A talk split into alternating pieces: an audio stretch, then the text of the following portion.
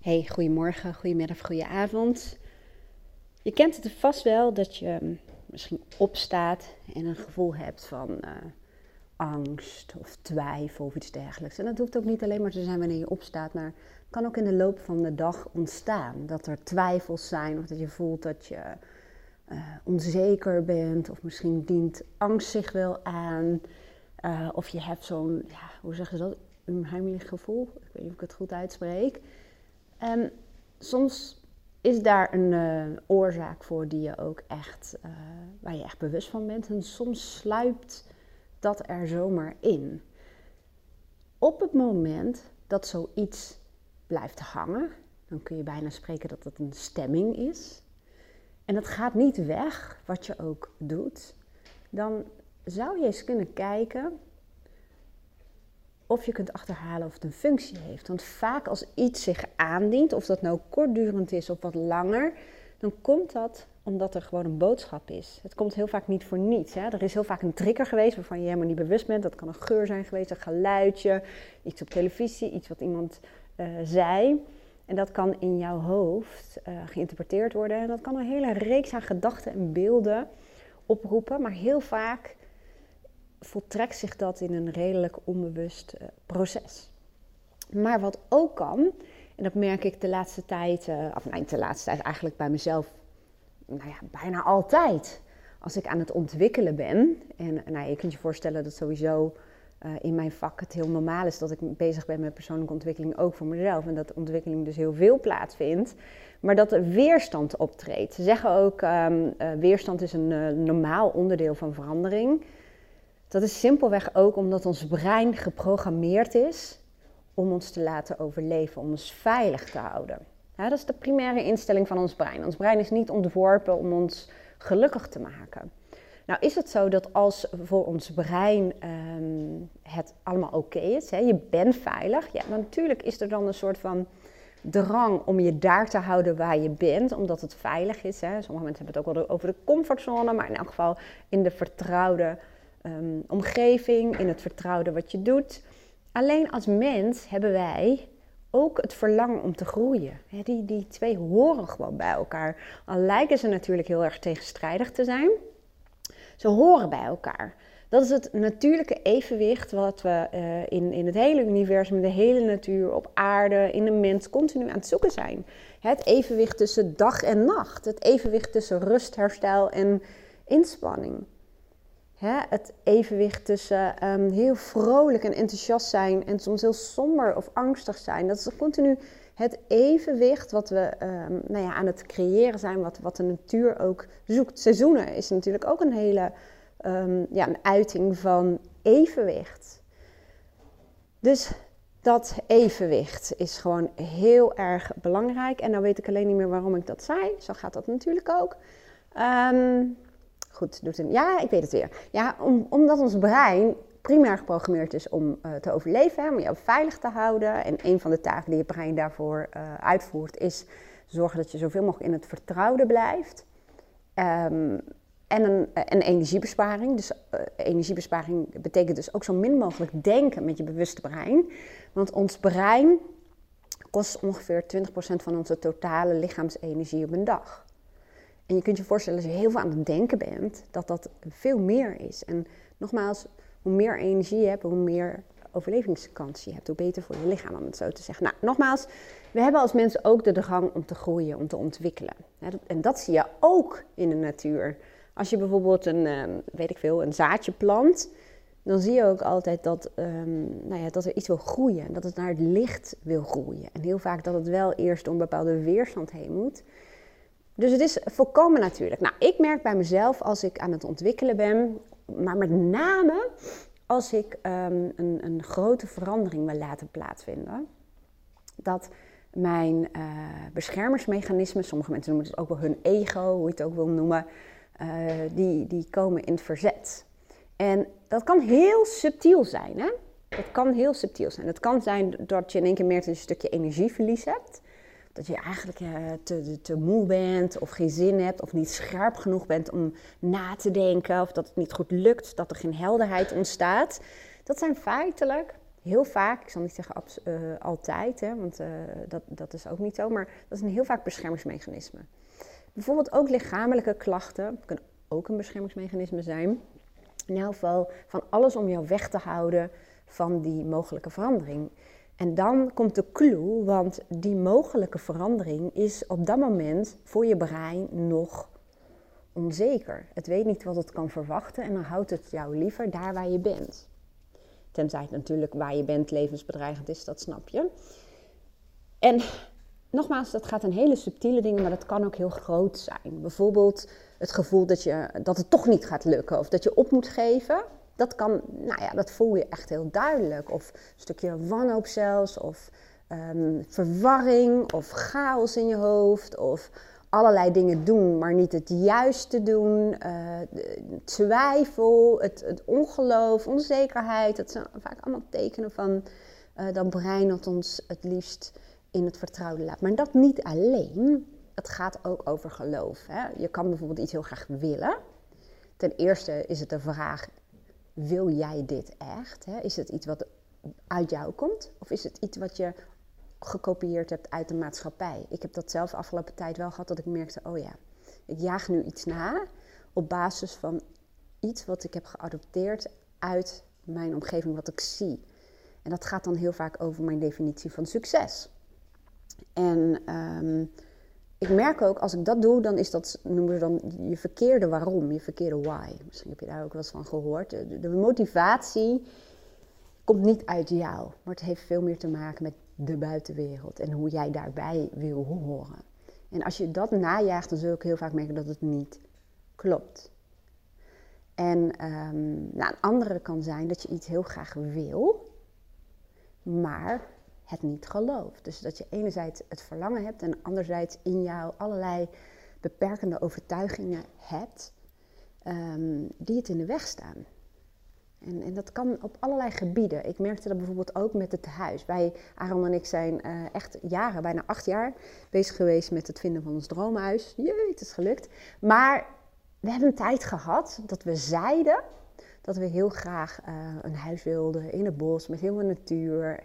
Maar dat we tegelijkertijd ook tegen elkaar zeiden van verhuizen, gedoe, uh, pff, vermoeiend alleen om erover na te denken. Hè, plus... Um, we zeiden dat we heel graag in de natuur wilden wonen, want dan konden we lekker vaak naar buiten wandelingen maken en elke dag eruit. Maar in het hier en nu toen woonden wij ook aan een randje bos en liepen wij misschien twee keer per week buiten. Dus het is zo tegenstrijdig. Hè? Je zegt dat je iets wil, maar als het echt zo belangrijk voor je is, waarom doe je dat dan niet al meer? Dus er zijn heel veel dingen die ervoor kunnen zorgen dat waar jij naar verlangt, dat het niet lukt. Dus enerzijds die weerstand hè, om je veilig te houden. En anderzijds een stukje geloof. Nou, wat ik je in deze podcast mee wil geven, want er zijn meerdere uh, methodieken die ik in geval inzet om uh, hier doorheen te breken. Um, eentje daarvan is om te kijken van, goh, wat is mijn beeld van die uh, verandering? Hè? Wat, wat, wat staat er aan de andere kant van die verandering? Hoe ziet dat eruit? Door daar een heel helder beeld van te uh, creëren, voed je A je verlangen, maar B geef je je brein ook informatie hoe die verandering eruit ziet. En dan kan het beter inschatten of dat veilig is of niet. En natuurlijk gaat het hier ook om een stukje hek van je brein om um, nou ja, je brein de informatie te geven dat die situatie hartstikke veilig is. Misschien nog wel veiliger dan op dit moment. Dat is één methodiek, maar die ga ik nu niet uh, behandelen. Wat ik wel ga doen, is wat ik je al zei, als iets blijft hangen, of dat nou twijfel, onzekerheid, angst is, of, een, of dat rare gevoel wat je hebt, ga er dan maar even van uit dat het een functie heeft. En op dat moment is het uh, heel handig om te onderzoeken, wat wil het jou zeggen? Dus doe maar even, gewoon even om, om even uh, inzicht te krijgen, doe maar even alsof die emotie of dat, dat, gevoel of uh, nou ja, de gedachte of wat dan ook, wat zich aandient, of dat kan praten, of het een stem heeft. stel dat jouw angst kan praten. Wat heeft het jou te zeggen? Wat is zijn boodschap? Waar wil angst dat jij voor gaat zorgen? Waar is het bang voor? Waar is jouw angst bang voor? Klinkt allemaal een beetje bizar, ik weet het, maar echt, dit werkt echt zo ontiegelijk goed. Ik heb bij zoveel klanten dit al gedaan. Dit heet Voice Dialogue. Um, en bij mezelf ook. En door echt aandacht te geven aan datgene wat zich aandient en wat blijft hangen, kom je erachter dat het vaak zo simpel is waar jij voor mag zorgen. En als je dat doet, bewust doet, dan zul je merken dat het wegtrekt. Het is eigenlijk net een jengelend kind. Dat als jij het geen aandacht geeft, hè, en, en is echt wat, dan blijft het doorjengelen. Dan gaat het nog harder schreeuwen. Net zo lang tot jij er naar geluisterd hebt. Dus hoe je dat kunt doen. Ik ga meestal gewoon even zitten. En dan probeer ik me even een, een, beeld te schetsen van wat is het wat op dit moment zich aandient. Wat, je hoeft het niet per se een naam te geven, maar probeer het wel even te voelen. En ehm, bij mij werkt het wel goed om het, een, uh, om het uh, een naam te geven, om het te labelen als zijnde van angst of onrust, verwarring, twijfel, onzekerheid, ongeloof, nou, whatever. En dan vervolgens ga je heel even op een andere plek zitten, op een andere stoel, van ja, nou ja, whatever, maar dan op een andere plek. En waarom is dat zo? Um, omdat je brein zich dan vaak even los kan maken en even dat je echt vanuit het perspectief van datgene wat zich aandient, um, nou ja, kunt gaan denken. Nou, en dan, op het moment dat je op een andere plek zit, dan probeer je even voor te stellen dat dat wat zich aandient, laten we bijvoorbeeld zeggen angst, dat dat een boodschap heeft, dat het een stem heeft. Luister ernaar, stel het vragen, wat wil je me vertellen? wat is belangrijk? Eigenlijk die vragen die ik net al noemde. En op dat moment, ehm, als je echt voelt, nou dit is het, ga dan weer even terug naar een andere plek. En maak dan bijvoorbeeld even notities. Van wat is het waar je voor mag zorgen? En ga eens kijken hoe je praktisch daar invulling aan kunt geven. Nou, dit is een, um, een van de oefeningen die je kunt doen. En dat is gebaseerd op de methodiek Voice Dialogue. Dat gebruik ik heel veel in mijn praktijk en ook voor mezelf. Uh, de eerste keer dat ik een training had gehad, dacht ik, nou, dit ga ik never nooit gebruiken, want dit is zo bizar. Dit, dit, durf ik niet eens te gebruiken. Ik durf dat niet eens voor te leggen aan mijn klanten, want dan denken ze, nou, die, eh, die coach van mij is helemaal gek geworden. Praten met uh, mijn innerlijke kanten, dat is toch raar. Maar goed, ik dacht, ik ga het toch eens doen. Want in de training had ik uh, echt best wel hele mooie momenten gezien en gezien dat het werkte. En ik had er ook heel veel over gelezen. Nou, de allereerste keer dat ik het deed, was er meteen al een hele grote doorbraak. Nou, je kunt je voorstellen dat dat wel heel erg motiveert om verder te gaan. En vanaf dat moment ben ik het gaan doen. Um, ja, en tot nu toe heeft het bij iedereen gewerkt. En heeft, is iedereen um, stond daarvoor open. Want je kunt het op verschillende manieren ook inzetten. Ik zoek altijd wat het best past bij iemand, hè, waardoor ik het best mee kan werken. Nou, uiteindelijk heb ik gedacht, weet je er zijn ook heel veel uh, dingen die je zelf kunt doen. Hè? Een, een, sessie laten faciliteren zou ik altijd een keertje aanraden. Dat is heel magisch. Maar in je dagelijks leven loop je ook tegen dingen aan. En dan wil je eigenlijk op dat moment handvatten hebben om daarmee te werken. Want in een sessie kom je bijvoorbeeld uh, voor het feit dat je beslissing wil nemen en heel erg veel twijfelt, of je bent er ergens onzeker over, of je kan moeilijk ontspannen, of je bent altijd maar aan het jagen. Maar in het dagelijks leven dienen zich andere dingen aan. Ja, zoals wat ik net vertelde. En dan wil je daarmee kunnen werken. Daarom ben ik een online programma gaan maken. Dat heb ik in eh, mei 2020 eh, afgerond. En wat ik je daarin leer, is allereerst om een, eh, ja, ze noemen dat een psychisch landschap te maken. Dus hoe zit jouw persoonlijkheid in elkaar? Welke kanten zijn bij jou primair of dominant? En welke kanten heb je verstoten? Welke kanten heb je echt last van? Die zitten jou in de weg. En welke kanten zou je daarvoor meer in kunnen zetten? En wat hebben die kanten jou te vertellen? Plus een heel apart onderdeel, en dat gaat over de innerlijke criticus. Die hebben we allemaal. En een innerlijke criticus is eigenlijk een soort achtergrondradio die je vaak onbewust de hele tijd kritiek geeft. Dat had je niet moeten doen, of dat was slecht van je, of waarom heb je dat nou zo gedaan? Of als je in de spiegel kijkt en denkt van jeetje man, ik zie er al heel oud uit, mijn haar ziet er niet uit, dit ziet er niet uit. Dat is allemaal de stem van je innerlijke criticus. Um, ik hoor bij mannen echt heel apart trouwens. Heel vaak dat ze zeggen dat hun innerlijke criticus een loser vindt. Dat woord hoor ik bijvoorbeeld ook heel erg vaak. En vrouwen zie ik ook heel vaak over schuldgevoel. Um, dat ze dingen niet goed genoeg doen. Dat ze niet goed genoeg zijn. Uh, dat ze er niet aantrekkelijk genoeg uitzien. En, nou, jeetje, die geven zichzelf met de zweep ervan langs. Nou, dus er is een aparte module die helemaal gaat over de innerlijke criticus. Want ook de innerlijke criticus heeft een beschermingsmechanisme. Hoe bizar het ook is, maar die wil jou beschermen tegen kritiek uh, van de buitenwereld. Door innerlijke kritiek hoopt de innerlijke criticus dat je wat gaat doen aan de in zijn ogen gebreken. Maar die norm, of die standaard, normen moet ik zeggen, die zijn vaak afkomstig uit je jeugd, maar ook uit de maatschappij. Een soort standaard of norm hoe je eruit zou moeten zien, uh, wat je zou moeten kunnen, wat je zou moeten doen. En dat wordt ook gevoed door ja, met name de media. Dus het is heel goed om te onderzoeken wat zegt mijn innerlijke criticus, welke normen leeft hij na. En vervolgens is de volgende module, dat noemen ze de innerlijke regelgever. Je, je criticus wordt gevoed door, nou ja, een, nou ja, door de media, maar door iets dat bepaalt aan welke normen jij moet voldoen. En door te kijken naar wat zijn nou jouw belangrijkste waarden in het leven? Wat zijn jouw persoonlijke waarden? En wat is echt belangrijk voor je? En als jij conform die waarden wilt gaan leven, welke normen horen daar dan bij? En wat bedoel ik daarmee? Stel dat je missie is om mensen te coachen, om ze zo goed mogelijk te helpen, zichzelf te helpen. Um, is het dan echt ontiegelijk relevant dat je wimpers er fantastisch uitzien? Klinkt heel raar, hè? Of dat je super strak en slank bent. Het kan wel zijn dat je die, uh, dat verlangen voelt omdat je zo vitaal en gezond mogelijk wil zijn. Dat is wat anders dan dat je helemaal strak en slank wil zijn omdat de buitenwereld jou dan anders gaat um, zien. En je gaat dus kijken aan de hand van je persoonlijke waarden en, en, je levensmissie. Klinkt zwaar, maar het is wel heel mooi als je daar een beetje achter komt, als je die richting kent.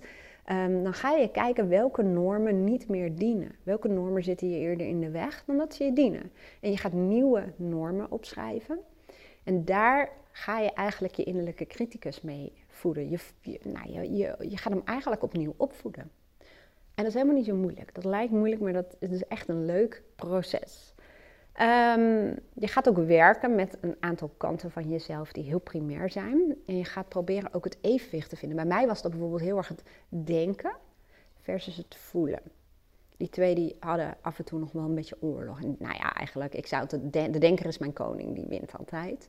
Nou, door wat evenwicht te creëren in, in mijn geval denken en gevoel, ja, dat, dat, dat kan ook zoveel brengen in je leven. Dus dat is ook een onderdeel om te kijken hoe zit het bij jou. Hè? Waar mag wel wat meer evenwicht uh, in ontstaan. En ik leer je bepaalde oefeningen die je ten alle tijden in je dagelijks leven kunt toepassen. Nou zeg ik trouwens ten alle tijden, dat is niet helemaal waar. Er staat ook wel in wanneer kun je het niet doen. Heel, nou, dit zal best wel voor de hand liggen, maar als je suïcidale gedachten hebt of heel erg depressief bent of een persoonlijkheidsstoornis hebt, dan uh, is voice dialogue uh, in elk niks voor jou. Niet om het zelf te doen in elk geval. En um, als je dat wel wil doen, nou laat je dan door een uh, ervaren psycholoog die ook voice dialogue uh, doet, faciliteren. Die kan dat bijvoorbeeld weer beter inschatten dan ik. Ik ben natuurlijk geen psycholoog. Nou, anyway, dat staat er ook in. En je krijgt handvatten en oefeningen, allemaal verschillende oefeningen. En met als doel om te kijken wat past goed bij jou. Want ik zou zeggen, je wil er op het moment dat het zich aandient en je hebt even de tijd, hè, want we hebben het vaak over 10 minuutjes of zo, wil je er wat mee kunnen doen. Of je wil instant, op het moment dat het zich aandient, hè, bijvoorbeeld uh, op, op de werkvloer, wil je er wat mee kunnen doen. Wil je, wil, je, uh, ja, wil je stappen kunnen zetten of wil je van een bepaald gevoel af, om het zo te zeggen. Want soms gaat een kant ook bijvoorbeeld aan je stuur zitten. Als angst aan je stuur gaat zitten, dan kan het maar zo een paniekaanval worden. Want als je angst achter je stuur zit, dan bekijk je alles, de hele wereld, alles, elke situatie vanuit het perspectief van angst. Nou, hoe haal je die achter je stuur vandaan? zonder het te negeren, want het heeft op dat moment natuurlijk wel een boodschap. Nou, dat leer ik je allemaal in het online programma. Nou weet ik uit eigen ervaring, ik doe ook allerlei online programma's, um, dat het best wel uh, wat is om jezelf te motiveren om het hele programma te doorlopen.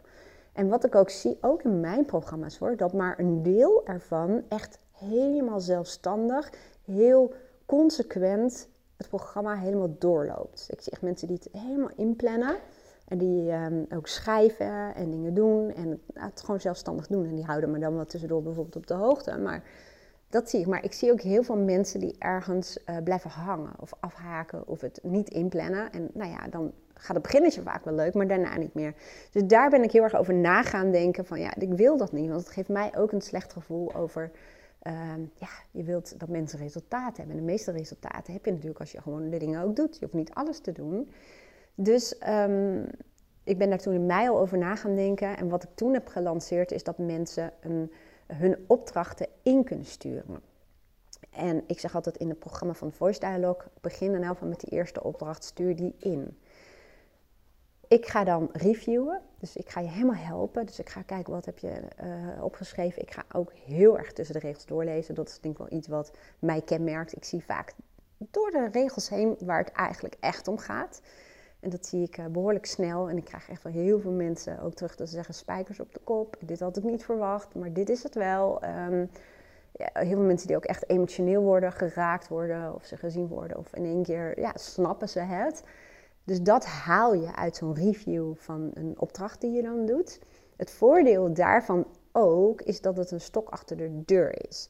Sommige mensen die doen het op het moment dat ze de behoefte aan hebben. Die zeggen, nou kan ik het insturen? En uh, uiteraard krijg je daarvoor een factuur. Dat zit niet in het programma, kun je los bijboeken. Um, de reden daarvoor is uh, dat als mensen het niet willen, nou hoef je er ook niet voor te betalen, wil je het wel. Nou, dan betaal je er wel voor, zo simpel is het. En uh, sommige mensen zijn, ik vind dat wel slim, in elk geval, die zeggen: Ik laat die en die en die opdracht door jou reviewen. En die plannen dat samen met mij in. Dus die plannen tijd van mij, dat ik daarnaar ga kijken. Dus ze hebben een deadline. Dus dat zijn de mogelijkheden om een programma uh, bij mij te doen. Dus je hoeft dat vooraf nog helemaal niet te bepalen. En sommige mensen doen het wel omdat ze van zichzelf weten dat de stok achter de deur gewoon heel erg goed gaat helpen. Nou, ik zet sowieso het linkje even hieronder naar het online uh, programma. Um, ik geef ook één keer in zoveel tijd een webinar over uh, verschillende onderwerpen, maar waaronder voice dialogue. En op het moment dat ik dit opneem, um, ehm, 7 december 2020, staat er eentje op korte termijn gepland, dat is 11 december. Ik zet hieronder even het linkje neer, dan kun je het al aanmelden, dat is gratis. Dus dat is een gratis online uh, workshop. En daar help ik je. En dan heb je ook de ruimte, afhankelijk van hoeveel mensen zich natuurlijk uh, aanmelden, maar om je eigen persoonlijke vraagstukken um, aan mij voor te leggen. En dan ga ik je mee helpen. En dat kan anoniem uh, via chat, um, maar dat kan ook met video of met audio, wat jij het fijnste vindt. De meeste mensen willen trouwens bij uh, chat houden. Nou, ik zet de linkjes hieronder. Um, als je hier wat aan had, dan ga je mij in ieder geval helpen om mijn bereik te vergroten door uh, via iTunes um, een beoordeling achter te laten. Dat kan heel simpel. Je hoeft geen berichtje achter te laten. Dat is natuurlijk voor mij wel het leukst, maar je kunt ook gewoon een aantal sterren doorgeven. Uh, kijk ook even of je me al volgt. Uh, dan weet je zeker dat je niks meer mist. En kijk je dit nou via, luister je dit via YouTube, dan kijk even of je al geabonneerd bent. En het kan maar zo zijn dat je aan het luisteren bent, dat er iemand in je hoofd opkomt van, oh, daar, die zou hier ook wel wat aan hebben. Hartstikke leuk als je doorstuurt of als je het even deelt. Ik wil je weer bedanken voor het luisteren. En nogmaals, ik hoop dat je er uh, wat aan had. Ik wens je een hele fijne dag en tot de volgende podcast. Doei doei.